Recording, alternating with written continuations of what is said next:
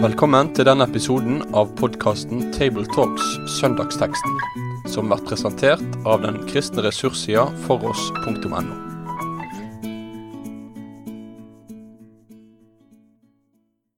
Vel møtt til Tabletalk. Vi sitter rundt et bord, tre stykker av oss her. Egil Sjåstad, Asbjørn Kvalbein og jeg, som heter Svein Granerud.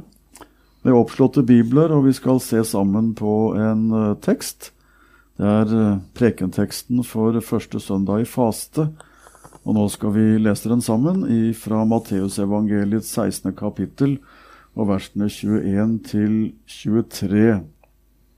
Fra den tid begynte Jesus å gjøre det klart for sine disipler at han måtte dra til Jerusalem, og at han skulle lide mye av de eldste og øverste prestene og de skriftlærde, at han skulle bli slått i hjel, og at han skulle oppstå på den tredje dagen.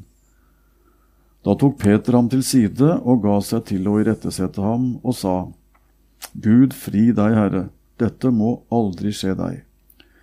Men eh, han snudde seg og sa til Peter, Vik bak meg, Satan, du er til anstøt for meg, for du har ikke sans for det som hører Gud til, men bare for det som hører menneskene til.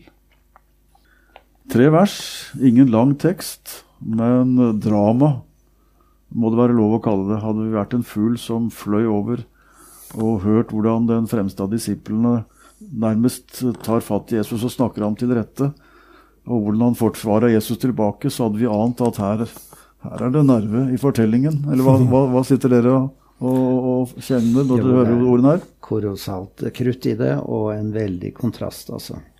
Det er mye fine detaljer å stanse ved her. Jeg begynte å tenke på det at på den tiden begynte han å gjøre klart. Han måtte si det flere ganger. Han måtte begynne å si. Og at han måtte dra til Jerusalem og at han da skulle lide og dø, og stå opp igjen. Jeg syns det er så sterkt å få det fordi at uh, så mange i dag tenker at det med Jesu lidelse og død, det var nærmest en ulykke, og det var noe som han havna oppi. Nei da, det er nødvendig. Det er en del av Guds plan. Dette går jeg inn i med åpne øyne. Det syns jeg er uh, en første tonen som slår meg av Jesu myndige undervisning her. Det er vel tre ganger at Matteus uh, gjengir Jesu varsler om at han skal til Jerusalem. Så det er jo tydelig at uh, iallfall Jesu disipler de trengte å høre det mer enn én gang før det begynte å synke. og Det var vel ikke for lenge etterpå de fullt til alvor, Egil? Nei, og uh, Peter har jo nettopp bekjent Jesus som Messias og fått veldig sterke ord. Uh, du er Messias, den levende Guds sønn, sier Peter. Og så svarer Jesus 'Salig er du, Simon'. Mm. Og så går det Vi vet ikke om det går en dag eller to, da. Vik bak meg, Satan. Så bare spennvidden i forhold til teksten foran. Og det ser ut til at Jesus måtte komme til det punkt at han ble bekjent som Messias. Altså Det gamle testamentets profetier, sentrum der, han som skal komme. Før han kunne si 'Nå går vi opp til Jerusalem, og jeg skal lide dø'. For fra den tiden begynte Jesus å, å si det. Da Da har Peter bekjent den som Messias, og da var det klart bekjent. Men han har samtidig forbød dem strengt at de ikke skulle si det til noen. Nei, jeg, jeg syns dette er en spennende tekst, og særlig fordi det er så interessant også å se hvordan Jesus andre ganger Eh, og det stiller jo alle de, uh, unnskyld, evangelistene, ikke minst Johannes, hvordan Jesus er i debatt med jødenes ledere, med de skriftlærde fariseerne. Og det går jo mye på det samme, at han er menneskesønnen, og at han er brødet fra himmelen, og alle disse tingene som provoserer dem så veldig. Så han sier jo til dem at dere, hadde dere trodd Moses, hadde dere trodd meg, for det er meg han har skrevet. Og de, de protesterte helt på at Jesus skulle være Messias. Det, det rimte ikke i det hele tatt. Men så har vi Peter og de andre disiplene som, som bekjenner at du er Messias. Men når det kommer til det punktet da Jesus skal gjøre sin fremste Messiasgjerning, nemlig å dø for våre synder, så er heller ikke Peter med lenger. For det Messias-bildet har han ennå ikke fått. Han har, i motsetning til jødenes teologiske ledere, skjønt at Jesus er Messias. Men den dimensjonen med Messiasgjerningen som går på hans viktigste tjeneste, at han soner våre synder, har Peter heller ikke fått med seg. Så, så det er liksom nivåer her. De, de, de, ligger godt foran de skriftlærde, men de har et stykke igjen. Ja, men Jeg er også slått av, av Peters uh, underlige frimodighet her, altså. Fordi han, uh, han, er jo sterk, altså. Han sier rett og slett at uh, Herre, sier han. Gud fri deg, Herre. Så altså han snakker til Gud, på en måte, en bønn til Gud, og sier om Jesus at du er Herre. Men jeg vil ikke høre på det du nå snakker om, at du vil dø og stå opp igjen. Altså det er så kolossal kontrast i det at han vil bekjenne Jesus som Herre og dyrke Gud. Men forsoning og blod og kors, nei, det, det går for langt. Og dette er jo viktig at vi forkynner veldig sterkt at dette Hvis man fornekter dette, så, så, klipper man en stor bit ut av Bibelen, altså. For det er en blodbok og en korsteologi som vi pekes på her allerede, og som er en rød tråd gjennom hele Skriften. Det er veldig viktig. altså Vi har jo hatt debatter om forsoningen her. At det ligger i det at Jesus døde på korset, hva det betyr. Det er veldig viktig at Skriften sjøl får gi svar på det. altså. Han, han, gikk inn under Guds forbannelse for vår skyld, over våre synder. Han, han døde for våre synder etter Skriftene, osv. Og, og at det blir forkynt også på en sånn dag, selv om det er lenge før han døde, så er det en varsel om at dette skal skje. Jeg hadde besøk en gang mange år siden på kontoret uh, av en uh, jødisk lege som uh, oppsøkte bibelskolen i Staffels gate, hvor jeg var da, fordi han ønsket å snakke med en om, om, om Bibelen. Helt utrolig å bli oppsøkt av en som hadde det behovet. Og, og han ville gå gjennom Bibelen sammen med meg og, så, og høre hva jeg tenkte om om, om Det gamle testamentet. Og det var interessant å snakke med han, og han var med på alt. Og så kom til Jesaja 53, som jeg sa dette, han som er såret for våre overtredelser, knust for misgjerninger. Dette er for meg det viktigste vitnesbyrdet om Messias, for der får jeg høre det som er hans fremste gjerning. Og da begynte han å slite. For det ble for vanskelig. Og jeg tenker, ja, det er jo det også mange av hans landsmenn fortsatt sliter med, å tenke at Jesu soningsdød var en del av hans messiasgjerning. Og jeg tenker at Peter, i motsetning til som jeg sa i sted, eh, jødenes egne teologiske ledere, så hadde han tenkt ja, men Jesus han er Messias. Og Messias han, var, han skulle være profet. Eh, han skulle ha prestetjeneste, altså han skulle be for folket, iallfall. Eh, kanskje utføre offertjeneste. Han skulle ha kongeverdighet. Så det var altså ting med Jesus som Peter hadde gjenkjent. Men så var det den siste biten, hvor Peter, som hadde skjønt det fariseeren ikke hadde skjønt, allikevel stanser for at han skulle dø. Det gikk ikke. Så det er der det er det avgjørende skillet. Jeg lurer på om jeg ikke har snakket med samme mann. og jeg snakket med han om dette med Jesus som Gud, hvor han heller ikke kunne godta det, fordi at uh, det er bare én Gud. Og du kan ikke snakke om at Jesus var det. Han var en stor mann, stor profet. Men at han var jo Gud samtidig som han var Messias og det lidende offer. Og det bryter jo logikken, naturligvis. Han var både sonepresten og offeret. Og han fylte alle roller i det å føre videre det gammeltestamentlige symbolikken. Men så stor er han at han sprenger rammene. Og dette må vi få forkynt, og dette må vi tro. Det går ikke av seg selv å få det inn i vår tankegang. Jeg syns det er også et gløtt inn i den usynlige verden her, da. Både Gud og Satan er aktører i det dramaet her, altså. For eh, det som Gud vil, sier Jesus Guds plan med Jesus var korset. Og det sier de også etter pinsedag, da. Peter forteller hva som har skjedd. At han døde etter Guds fastsatte råd og forutviten og en annen plass det ditt råd forut hadde besluttet skulle skje med Jesu død. Også de andre aktøren, nemlig Satan, som vil hindre det. Det ville han da Jesus ble frista. Poenget med fristelsesberetningen der det er ikke fristelsens psykologi, først og fremst, men det er det at Satan er der som en aktør og vil hindre det som gjør at vi kan bli frelst, nemlig Jesu død oppstandelse. Og det, det, ser vi også her, da. Det er derfor Jesus er så skarp. Og når han sier 'du er til anstøt for meg', så betyr det at det var en reell fristelse for Jesus, tror jeg. At, at han, han lå jo ikke Seman og ba om ja. å slippe, ikke sant? Han, ja. De visste hva som lå ja. foran. Det, det er, en snøblestein, ja. Som ja. kunne Vet, det er jo også tankevekkende. og, og hvis, hvis, vi husker Lukas 24, så forteller han om Emmaus-vandrerne som var på hjem fra påskefeiringen i Jerusalem. De var jo også så nedtrykt som de kan å være, fordi han de trodde skulle stå fram som Messias, han var jo blitt korsfestet som en bryter på, forbryter på bestialsk vis. Så de var jo også helt utrøstelige i sin opplevelse at alt var gått i vasken.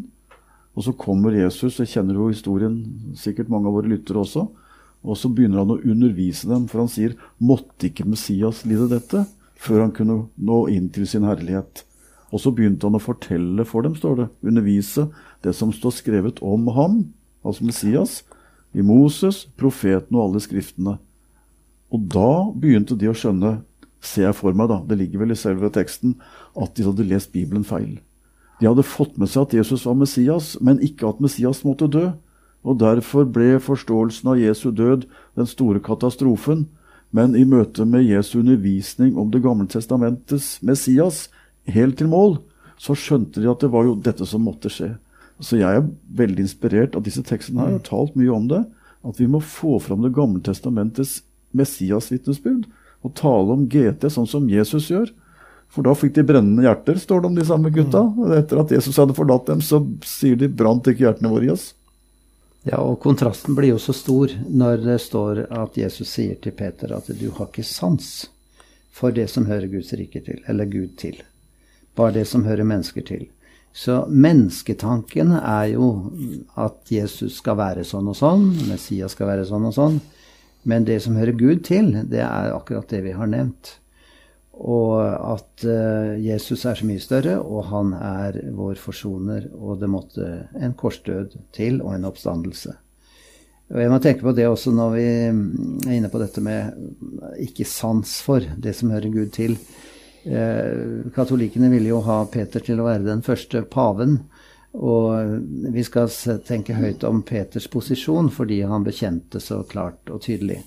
Men som menneske og som uh, som han var, og som vi alle er, mennesker, og en moderne pave i dag er mennesker, så har vi av naturen ikke sans for Gud. Altså vi må lære, og vi må stadig være disipler som undervises, fordi vi så fort farer vil. Og eh, pave opp gjennom tidene har jo tatt mye feil og sagt mye dumt, og det er en fin tradisjon for det også i vår tid, vil jeg si. Så det, det er den kontrasten mellom Gud og menneske, mellom Jesu tanker og våre tanker, det må ydmyke oss og gjøre oss uh, lydige overfor Gud, og ikke begynne å dyrke mennesker. Det, jeg syns det er flott at, at Matteus forteller det her. Ja. Mm. Fordi uh, han kunne jo hoppet over det, for det er jo ikke veldig god reklame for disiplene. Nei. Men uh, jeg tipper at Matteus har tenkt at dette har folk veldig nytte av å lære. At de skjønner at selv Peter slet med å virkelig ane at Jesu død var nødvendig. For uh, jeg holdt på å si, det religiøse mennesket kunne godt tenke seg en profet som hadde myndige ord.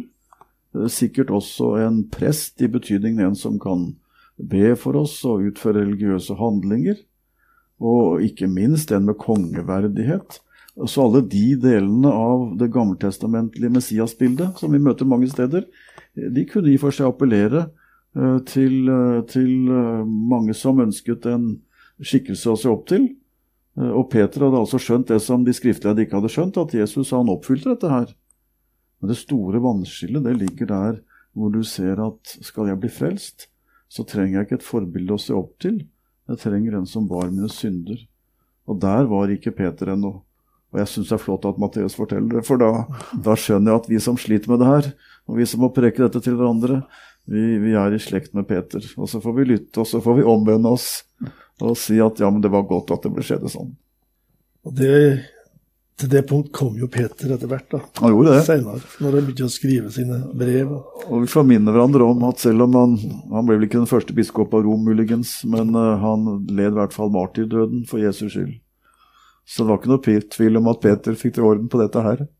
Men uh, han slet. Jeg tenkte meg at disse disiplene så for seg, så midt i det med Jesus, at han skulle bli en stor leder til slutt. En slags opphøyelse. Messias De har jo Messias-tekster i GT som handler om at han kom til å bli stor. Stor konge. Ja. At de enda levde i den forestillingen og ikke var med på at veien til opphøyelsen går om korset. I dag så drev jeg og las Filippe-brevet igjen, eh, der det står om Jesus at han var lydig til døden. Ja, døden på korset. Derfor har Gud høyt opphøyet ham. Og det samme har vi i Hebreerbrevet, en plass der det står om at han er kronet med herlighet og ære fordi han led døden. Så det blir liksom en nytestamentlig vitnesbyrde basert på dette her, da. At han måtte den gjennom den fornedrelsen for å nå til det punktet at han kan bekjennes som Herre i himmelen.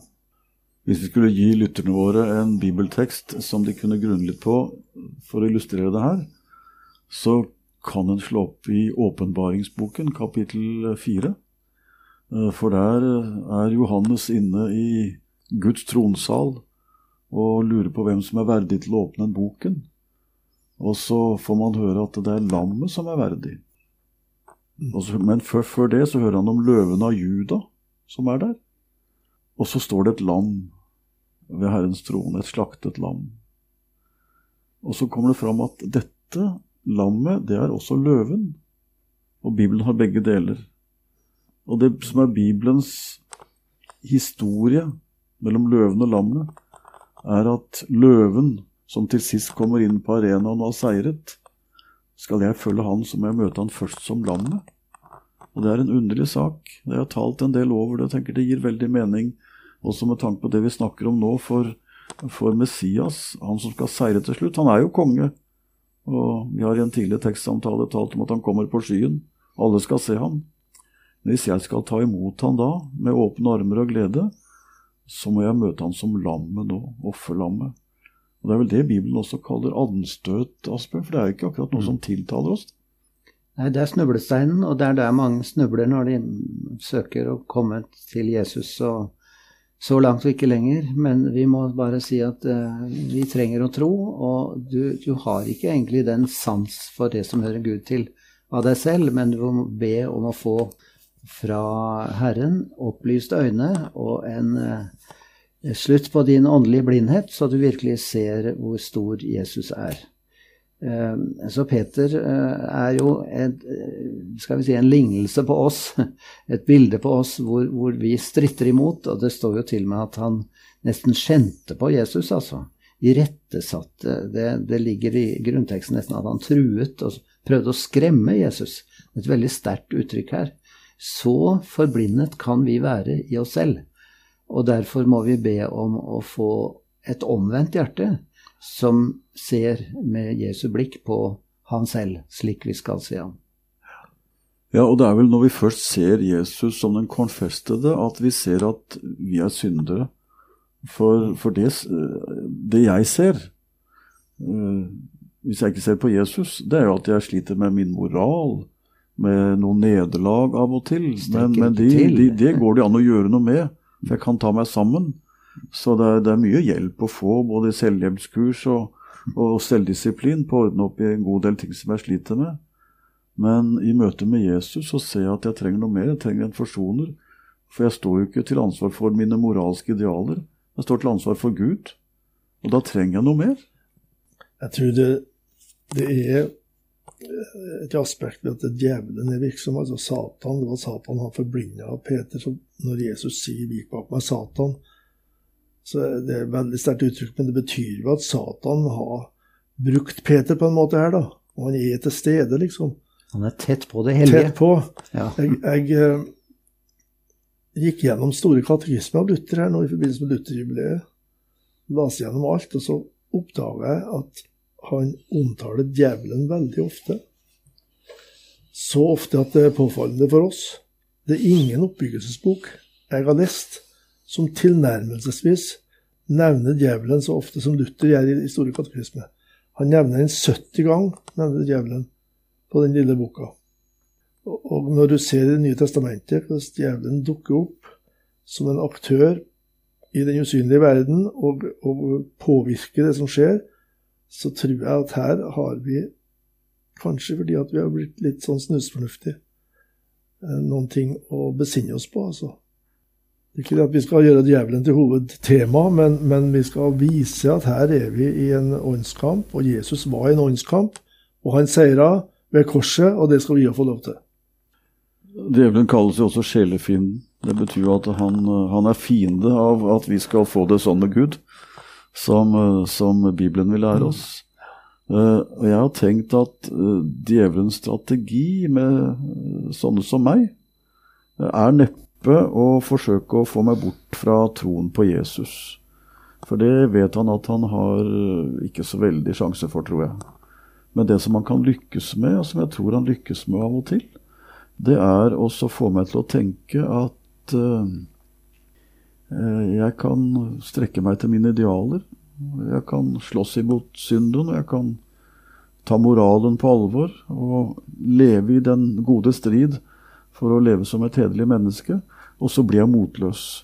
Fordi, som det har også Luther sagt, det djevelen leser Bibelen, men han leser bare loven. Det vil si han holder fram for meg buden og forventningene og kravet, og så kan man ta motet fra meg. Jeg lurer på om ikke det er noe av djevelen ofte gjør.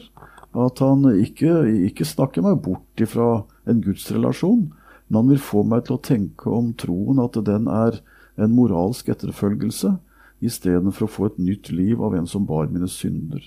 Og det er kanskje der Jesus reagerer aller mest på Peter. Fordi alternativet til å få en forsoner, det er det som en del moderne teologi har.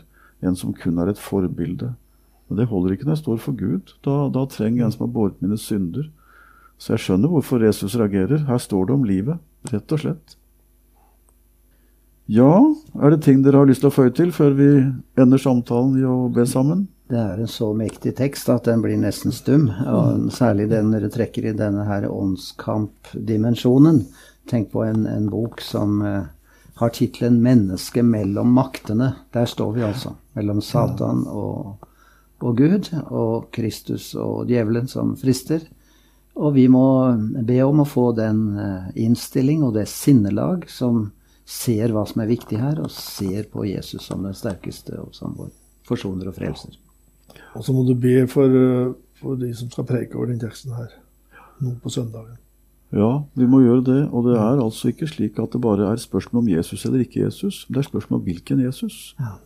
Er han han som døde for oss og oppsto? Eller er han en som har kommet for å vise at Gud bryr seg om og lider med oss? Jeg vet i hvert fall veldig godt at jeg trenger en som led for meg. Og det er han vi må løfte fram. Og det er det denne teksten er aller tydeligst på, egentlig. Jesus, nå ber vi, vi henvender oss til deg, du som kom for å være konge prest og profet, alt det som de gammeltestamentlige tekster vitner om. Og så kom du for å være Han som ga deg seg for våre synder, såret for våre overtredelser og knust for våre misgjerninger. Straffen lå på deg for at vi skulle ha fred. Slik talte profeten, og vi elsker det ordet. Og så er det godt å se at selv Peter slet med å få det på plass. Og vi ber for alle som sliter med det og tenker at dette er vanskelige saker. La oss feste blikket på deg, Jesus, med naglemerkene i hendene som forteller at du døde for at vi skal få leve. Du bar mine byrder for at jeg skal få legge dem av. Du sonet min skyld, så jeg kan stå rettferdig for Gud. Hjelp oss denne søndagen til å tale om deg på en slik måte at vi ser hvem du er. Amen. Med det sier vi takk for følget for denne gang. Finn flere ressurser, og vær gjerne med å støtte oss på foross.no.